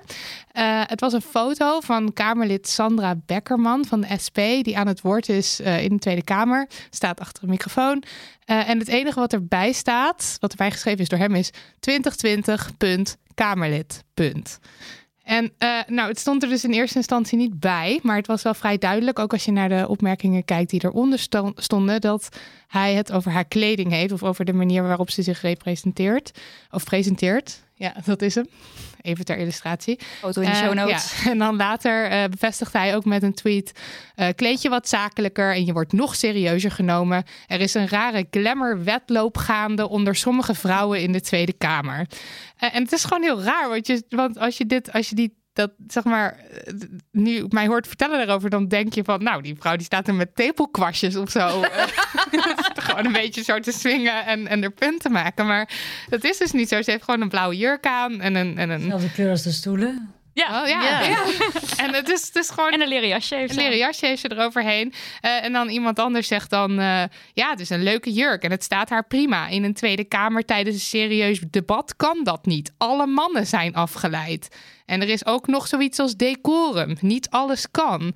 En ik... ik ik zou dit echt alleen stappen in, in de context van de tepelkwastjes. Zelfs dan vind ik niet dat je dat, dat zou mogen zeggen, maar dan nog. Eh, Nadia Bourras die reageerde er wel echt eh, lekker op. Die zei... Een Kamerlid verspreidt extreemrechtse complotten in de Kamer. Maar laten we het even hebben over de kleding van de, politi- van de politica. Ja, dus dat was lekker om eventjes te zien. Ja, en trouwens, Ja. jij zei ene Jan Kuitenbrouwer is wel gewoon een man met een blauw vinkje achter zijn naam. Ja, en zij heeft 13, veel volgers. eh, zoveel duizend volgers. Hè? Want het is niet zomaar een Jan op Twitter. Nee, het is iemand met een groot Iemand die bereik, een ja. column heeft in een, in een taalblad. Ja, nee, dat, dat is waar. Oké, Ik, ik heb gewoon geen idee wie het is. Ik zag het langskomen, want ik volg hem blijkbaar ook of zo. Maar het is eh, weer even een bevestiging van hoe vrouwen dus worden afgerekend op hun uiterlijk. Dat zeg maar dus blijkbaar op Twitter zo leeft. En eh, aansluitend daarop is ook, we kregen een, eh, een mail in onze mailbox van een eh, middelbare scholieren. Ehm, en eh, zij schreef over eh, een vriendin die een top met daarover een jasje droeg. En haar jasje gleed dan een beetje van haar schouder. Dus er was een blote schouder te zien, geen decolleté. En toen eh, zei haar leraar, die met de les wilde beginnen... die zei nog tegen haar button up. Nou, dat vonden ze al apart. Dus ze zijn verhaal gaan halen aan het eind van de les. En dan schrijft ze dit. Ehm, dit deden we dan ook, verhaal halen. En we vertelden hem dat zodra iemand, en al helemaal een leraar, je op een blote schouder aanspreekt, je daardoor enorm bewust wordt van je lichaam en dan voornamelijk de delen die als aanstootgevend ervaren kunnen worden. En dit gepaard gaat met onzekerheid. Zich geheel van geen kwaad bewust was zijn excuus dat wij als een soort kinderen voor hem zijn en dat hij dit ook tegen zijn dochter gezegd zou hebben. Maar nu komt nog het vervelendste gedeelte. Vervolgens zegt hij dat hij als man van middelbare leeftijd al moeite heeft om ons in de ogen te blijven kijken, omdat, en ik quote, we gewoon mooie meiden zijn en laat staan wat de jongens in de klas dan wel niet kunnen denken, kijken. Het is toch verschrikkelijk. Ja, dat is echt verschrikkelijk. Ja. Wel echt fantastisch dat zij, er, dat zij nog naar die leraar is gegaan Oh, om dat dit aan ook. te Ja, geven. ik weet niet of ik dat had gedaan. Ik denk dat ze een jaar of dapper. 16, 17... eh, Ja, maar dat is dan wel weer mooi van deze tijd. Ja. Want wij, ja, ik en mijn vriendinnen deden dat ook niet. Eh, maar nu doen ze dat wel. En dat is echt zo ontzettend belangrijk. Ja. Het is vreselijk. Ja, het is heel erg. Maar ja, we moeten het blijkbaar nog steeds over de kleding hebben van, Ja. Van vrouwen. Oké, Ja, leuke dingen. De Internationale Vrouwendag komt er weer aan op 8 maart. Trouwens, mocht iemand tegen je zeggen: waarom is er geen internationale mannendag? Die is er wel en dat is 19 november. Dat is altijd een leuke tweet die je dan kan debunken. Heel veel mannen die gaan op Internationale Vrouwendag dan zeggen... Is er, er is nooit een nationale eh, mannen... En dan kan je zeggen 19 november. Dus dat is even gemist dan. Ja. Op deze dag Niet wordt ook de Women's March weer georganiseerd in Nederland eh, of in Amsterdam. En dat is een protestmars van de Dam naar het Museumplein tegen ongelijkwaardigheid. En op het Museumplein, waar de march dan eindigt, daar zullen ook mensen spreken. Waaronder iemand van Speak, het collectief van moslimvrouwen, en Madeleine van de Nieuwenhuizen. En dat is de vrouw achter het kritische Instagram-account Zijkschrift. Vorig jaar lag de opkomst rond de 15.000 mensen, waarmee een duidelijk en belangrijk signaal wordt afgegeven. Wij pikken die ongelijkheid niet langer. Eh, en Marilotte en ik waren toen ook aanwezig en dat was... eh, Ja, kippenvelwaardig wel. ja, ja. ja, het was erg bijzonder. Dus ga er allemaal heen. Maar op hetzelfde moment, voor de mensen die niet in staat zijn om, eh, om fysiek aanwezig te zijn, is er ook de Online Disability March, georganiseerd door Feminists Against Ableism. En die is dus voor mensen die niet aanwezig kunnen zijn, omdat het lichaam het om wat voor reden dan ook niet toelaat. En eh, herken je je hierin, dan kan je je verhaal insturen op onlinedisabilitymarch.nl. En dan deelt de march eh, online die verhalen op hun website, op Twitter, op Instagram, op Facebook, om te laten zien van hé, hey, wij zijn er ook. Wij kunnen niet fysiek aanwezig zijn, maar ons verhaal moet ook echt verteld worden. Heel tof initiatief. En er worden nog allemaal andere vette dingen georganiseerd. Ja, maar dan willen we graag eerst even beginnen met het pluggen van onszelf. Want eh, wij doen op 8 maart eh, eh, ook iets. Wij nemen namelijk een live show op in de Tolhuistuin. En dan starten we met een ontbijtje en dan daarna gaan we praten met de gast. Eh, over iets wat te maken heeft met de Women's March. En eh, uiteraard zijn we op tijd klaar om eh, ook straks dan, dan daarna mee te lopen met de march. Want die zouden we niet willen missen. Ehm, op het moment dat we deze deze podcast opnemen, dus hier met? Elske en Lisa, zijn er nog twee- 25 kaartjes te koop van de 200. Dus we gaan hard. Wie weet is er nog eentje over nu je dit luistert, maar je zult er ongetwijfeld wel bij moeten zijn. Check tolhuistuin.nl of er nog een kaartje beschikbaar is, of anders misschien Ticketswap. Ehm, kun je niet bij de live show zijn, maar ga je wel naar de march, dan kun je je bij ons aansluiten. We verzamelen om kwart over twaalf bij de trap van de beurs van Berlage. En daar zit Bistro Berlage op het beursplein. Via Instagram hebben we al vijf groepen honingballen aan elkaar gekoppeld, die allemaal alleen naar het ontbijt en de live show komen. En het dus leuk vinden om andere mensen te leren kennen. En dat doen we ook voor de march. Dus stuur ons een mail of een DM met je telefoonnummer en je e-mailadres. En dan doen wij de matchmaking. Ja, ik heb ook die vijf groepen, dat is puur alleen live show. Er zijn ook alweer heel veel mensen voor de march. Dus ik ga jullie allemaal koppelen. Ik vind het helemaal leuk om te doen. Het zijn allemaal groepen van ongeveer zes mensen, zodat het niet te groot is. Dat je niet lost raakt in je groepje. Ja, Nidia is echt on fire Ja, met de het, matchmaking. helemaal, het is toch bijzonder dat we mensen kunnen Oh, samenbrengen. trouwens, voordat ik eh, eventjes over de matchmakings gesproken. Vorige week hadden we een brief van iemand die eh, zich eenzaam voelde. En die eh, iemand zocht om helemaal naar de Getver mee te gaan op festivals en zo. Nou, daar zijn ook best wel wat reacties op gekomen. En die hebben we dus nu ook gekoppeld. Dus maar vriendschaps... Ja, vriendschapsdingen. Oké, een paar laatste andere dingen die er ook allemaal spelen. Het, is, het, het barst van de leuke initiatieven. Dus we zullen op Instagram ook nog een poster aan wijden. Maar een paar dingen wil ik noemen. Eh, het Feminist Festival van Mama Cash in het Stedelijk Museum. Dat is op Internationale Vrouwendag zelf. En daar zijn allemaal interessante talks en workshops en performances. En op 7 maart de Bad Feminist Talks in de eh, Melkweg. Dat wordt georganiseerd door Pisswife en de Bovengrondse. Met daarna een heel groot feest. Dus dat is ook echt een tip. En op donderdag 5 maart staan we zelf in het Centraal Museum in Utrecht om aan de hand van stellingen het gesprek aan te gaan met het publiek rondom vrouwelijke seksualiteit en taboes. Dus daar kan je ook nog heen. En vrijdag 6 maart, dus de uitreiking van de Rivius Pelletier penning. Dus Yes. stay tuned. Stay tuned. Ja, op onze Instagram gaan we natuurlijk revealen wie de winnaar is. Wij weten het echt nog niet. Ja, Elske en Lisa wel, Een maar klein wij weten beetje lopen, maar dat werkt helemaal werkt niet. Geen woord erover kwijt willen ze. Heel serieuze jury zijn Ja, heel goed. Goed heel gedaan, goed geslaagd. Dit was aflevering 37. Lisa en Elske, bedankt voor jullie komst. En veel dank aan de Rivius Pelletier Penning voor het mogelijk maken van deze aflevering. En voor het zichtbaar maken van rolmodellen. Dankjewel Devika dat we even met je mochten kletsen over de penning en alles rondom Stem op een Vrouw. Veel dank aan onze producer Daniel van der Poppen en de maker van onze jingles Lucas de Gier. En nieuw in dit bedanklijstje, wat een schande eigenlijk, want die vrouw doet zulk goed werk voor ons, compleet vrijwillig. Liesbeth Smit, bedankt voor het maken van onze pracht van een website damhoney.nl. Echt een genot voor je ogen. Stuur ons post via info@dammoney.nl. Of doe het lekker niet. Zelf weten. Dikke vette dag, doei. Dag.